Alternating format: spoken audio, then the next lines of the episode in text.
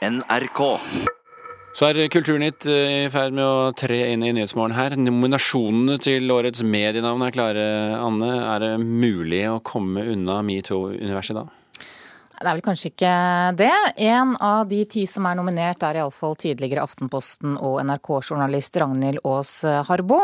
Hun ga metoo-kampanjen et ansikt her i landet da hun anmeldte en journalist fra et annet mediehus for overgrep. Og Ragnhild Aas Harbo, velkommen til Nyhetsmorgen og gratulerer. Takk for det. Du, hvordan føles det å bli nominert? Eh, veldig stas. Jeg hadde jo ikke sett den komme, i hvert fall ikke for sånn typ to måneder siden. Så jeg ble, ble overraskende veldig glad. Så var det et ekstremt eh, flott eh, nominasjonsopplegg de hadde. Det er jo ti stykker som eh, var helt utrolige folk. Du, hvorfor valgte du å fortelle historien din offentlig?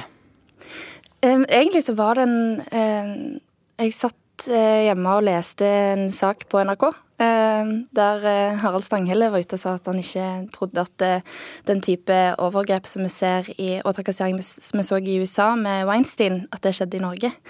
Og jeg kjenner jo Harald Stanghelle, en veldig klok, opplyst, smart fyr. Så jeg tenkte at hvis ikke han vet, så, så bør vi fortelle. Så det var egentlig et svar på hans oppfordring om å fortelle. Hvilke reaksjoner eh, har du fått da i de ukene som har gått etter at du valgte å stå fram med din historie? Mm -hmm. eh, egentlig utelukkende positive. Eh, og veldig mange sterke historier. Folk som har hatt behov for å fortelle meg hva de har opplevd sjøl. Som da har egentlig bare gitt meg eh, enda en bedre grunn til å fortsette. Um, så det, det, har vært en veldig sterk opplevelse. Og så har det jo skjedd mye konkret òg. Så, så alt i alt så er jeg jo egentlig Altså, jeg angrer ikke, da. Mm. Men du er jo selv journalist. Hvordan har det vært med all denne medieoppmerksomheten? Det har egentlig vært en veldig rar opplevelse å stå på andre sida. Så eh, få kjenne på, på, det trykket og, og se hvor fort ting, ting, sprer seg. Så det tror jeg òg har styrka meg som journalist, å forstå på en måte hvordan det oppleves. Eh, og eh, bare Men òg samtidig er det litt rart at som journalist ønsker du alltid å påvirke. Men det er først nå jeg virkelig har gjort det, men litt på den andre sida av det mediesirkuset, da. Mm. Eh, nylig så ble det altså klart at saken din ble henlagt av eh, politiet. Men hva har det du har fortalt og det du har stått fram med ført til, mener du? det er sikkert andre som kan mene mer om det enn meg, men eh, at saken min ble henlagt, det er jo altså det var, det var, noe kriminelt som skjedde. Det blir henlagt, det var jeg forberedt på. Eh, jeg er fornøyd med å ha anmeldt. Det er jo noe i seg sjøl, eh, si fra. Men utover det så, så Alt det som har skjedd etterpå, eh, har jo vært konkrete, gode ting som kan, kanskje kan hjelpe til med at dette ikke skjer igjen. At vi har økt oppmerksomhet på det. Det snakkes om i lunsjen rundt forbi på mange arbeidssteder. Det har kommet mange påfølgende kampanjer. Så ja, det, det, ser ut Jeg håper jo at dette her kan faktisk kan føre til noe, da. Mm. Ragnhild Aas Harbo, takk for at du kom hit til Nyhetsmorgen. Vi kan jo ta med deg at du er i godt eh, selskap. Andre nominerte denne, eh, til denne prisen det er altså Alexander Schou, Hannes Kartveit, Tine Austvold Jensen, Leif Einar, også kjent som Lotepus Lote. Faten Madi Al-Hussaini, Kjersti Løken Stavrum, Kristoffer Egeberg, Ulrikke Falk og Vegard og Gjermund Stenberg Eriksen. Det er altså kampanje som står bak denne kåringen. Skal det handle om en ny norsk eh, TV-serie her eh, fra NRK. Vita og Wanda Mahadi er 25 år og tvillinger. De er vokst opp på et lite sted utenfor Kongsvinger, men foreldrene kommer fra Iran. Og I denne nye serien her fra NRK så følger vi dem i hverdagen, på jobben og på fest. Og de går heller ikke av veien for å fikse litt på kroppen. Samtidig så lurer minnene om en tøff ungdomstid i bakhodet. Jeg husker veldig godt at det kom noen kommentarer fra sidelinjen da jeg pleide å stå ved skapet mitt. Spesielt fra guttene. Alt fra liksom stygg nese, hore, neger. Hadde det ikke vært for at jeg hadde blitt mobbet i oppveksten, så hadde jeg nok aldri operert eller vurdert å operere nesen i det hele tatt. Vi lever i Norge, da, for faen. Jeg gjør akkurat som jeg vil. Sier Vita og Wanda som deler leilighet på Strømmen. De deler faktisk det meste også med seerne som i denne Skype-samtalen etter neseoperasjon i Iran. Ja, Jeg gjør ikke annet enn å spise og sove, da, så jeg føler meg som er litt barn. Jeg har gått til to kilo liksom siden operasjonen, skjønner du. Tørk snørra di, ja. Det er ikke snørr, det er vaselin. NRK ville lage en serie for ungdom om ungdom med utenlandsk bakgrunn, uten at det nødvendigvis skulle handle om religion. Journalist Noman Mobashir lette i to år før han fant de rette jentene til serien han hadde lyst til å skape. Til slutt så fant jeg da, tvillingene Vita Wanda fra Strømmen, og de hadde en sjarme, en, en sånn litt sånn skamløshet, samtidig som de er utrolig sterke. Jeg vil kalle de feminister, som jeg hadde lyst til å lage en historie rundt. Dette handler om hverdagen til Vita Wanda, eh, og ikke bare hvordan de ser ut. I am starving. Don't you have a photo shoot tomorrow? Stop eating. I think she has a Dette er lyden av den amerikanske dokusåpen Keeping Up with the Kardashians. Programskaperne har studert fortellerteknikkene, men prøver ikke å skape en norsk versjon. Vi lever i Norge, og NRK skal lage den norske virkeligheten. Kardashian er en amerikansk virkelighet. Men presset unge mennesker utsettes for i dag, er tøft i begge verdener. Unge jenter i dag lever under et enormt press om å se bra ut. De skal liksom skinne på sosiale medier og ellers.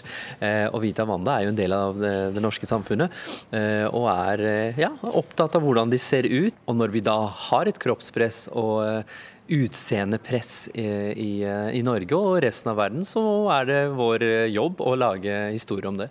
Veslemøy Hvitsten er NRKs prosjektleder for serien Vita og Wanda. Det er viktig for NRK å speile det norske samfunnet.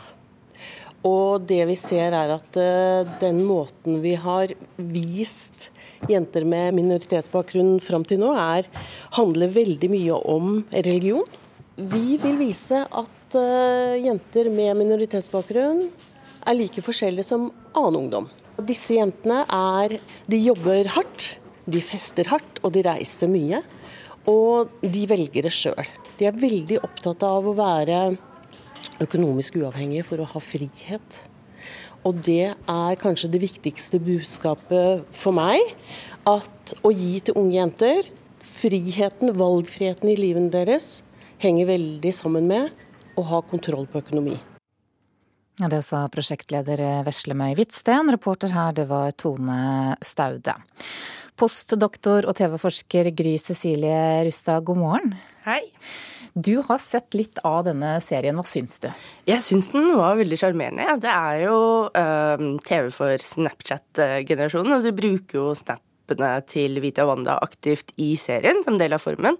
Uh, og det er uh, De er veldig sjarmerende, de er morsomme, uh, og ja, du blir liksom glad i dem mens du ser på.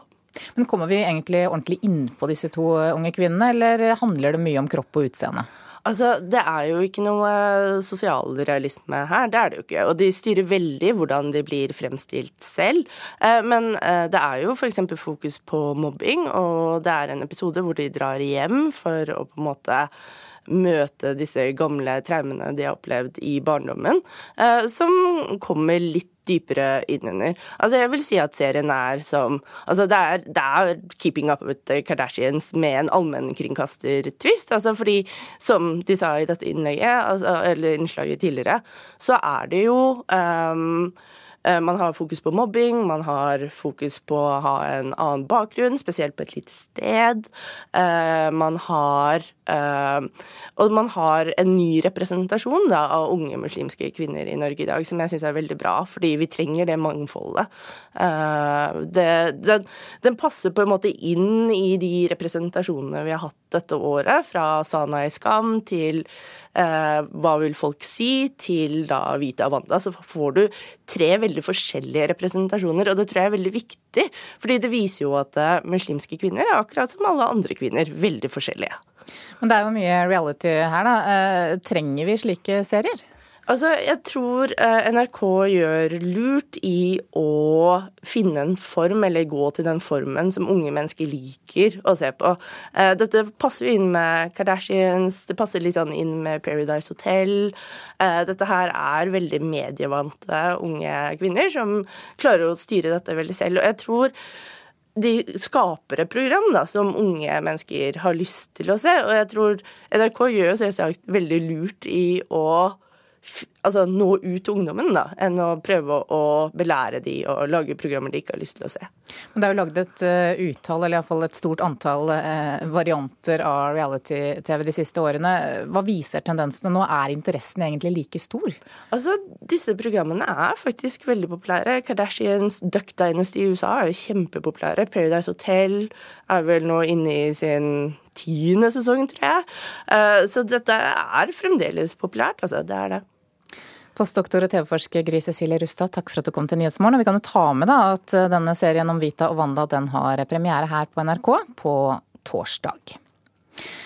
Nå skal vi til Grieghallen, for i går kveld så var det nemlig premiere på Bergen Nasjonale Operas oppsetning av Giuseppe Verdis opera Otello. En rekke tunge internasjonale solistnavn befant seg på scenen, og i spissen for det hele sto den australske tenoren Stuart Skelton og den amerikanske sopranen Latonia Moore.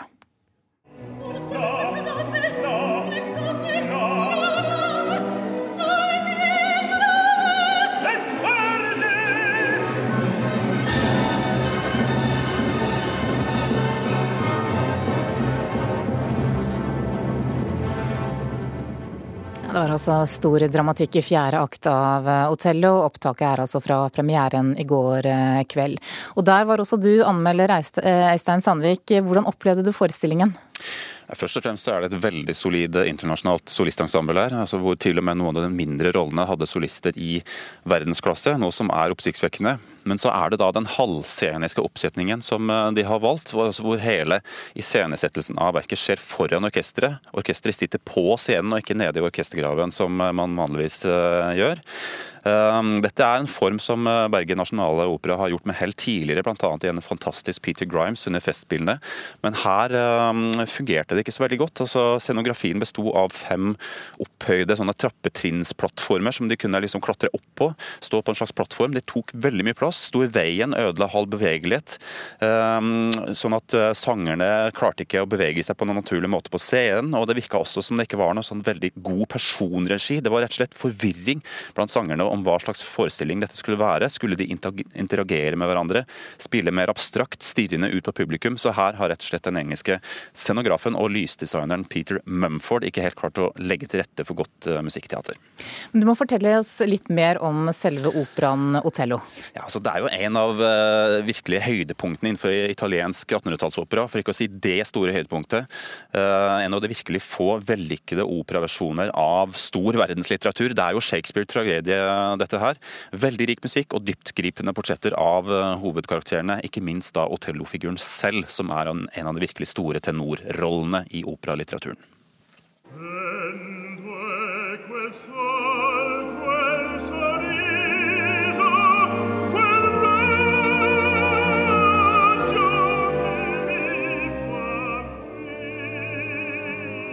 Hører også den australske tenoren Stuart Skelton i hovedrollen som Otello i Verdis opera ved samme navn. Eh, Øystein eh, Sandvik, hvordan klarte Skelton seg i Grieghallen i går?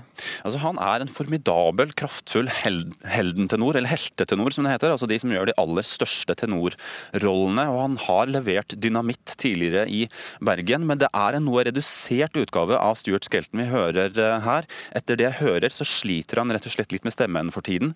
Så det er synd. Han hadde problemer i høyden og mangla overskudd, men han gjør likevel en god prestasjon. Men det er ikke den Stuart Skelton eh, vi kjenner. Hvis du skal oppsummere, da, hva blir konklusjonen din? Altså, det er en litt uforløst oppsetning av Otello med en iscenesettelse som ikke helt sitter og blir sånn litt verken fugl eller fisk. Eh, men det er som sagt et veldig godt eh, solistensemble, og så er det veldig imponerende det sammensatte koret, som har en sentral rolle gjennom hele operaen. Orkesteret leverer virkelig bra under Edward Edvard Garner, så det er mye flott å høre på. Ok, Vi må unne oss litt mer musikk til slutt. Hva skal vi høre? Ja, altså Må nevne den mest gripende ved hele forestillingen, som var den amerikanske sopranen Latonia Moores tolkning av Desdemona, særlig da i fjerde akt. Altså, hun tok seg litt opp, hun slet litt med intonasjonen gjennom den første delen, i hvert fall. Bommet litt på en god del toner, men så tok de seg virkelig opp, og vi fikk en veldig gripende scene helt til slutt.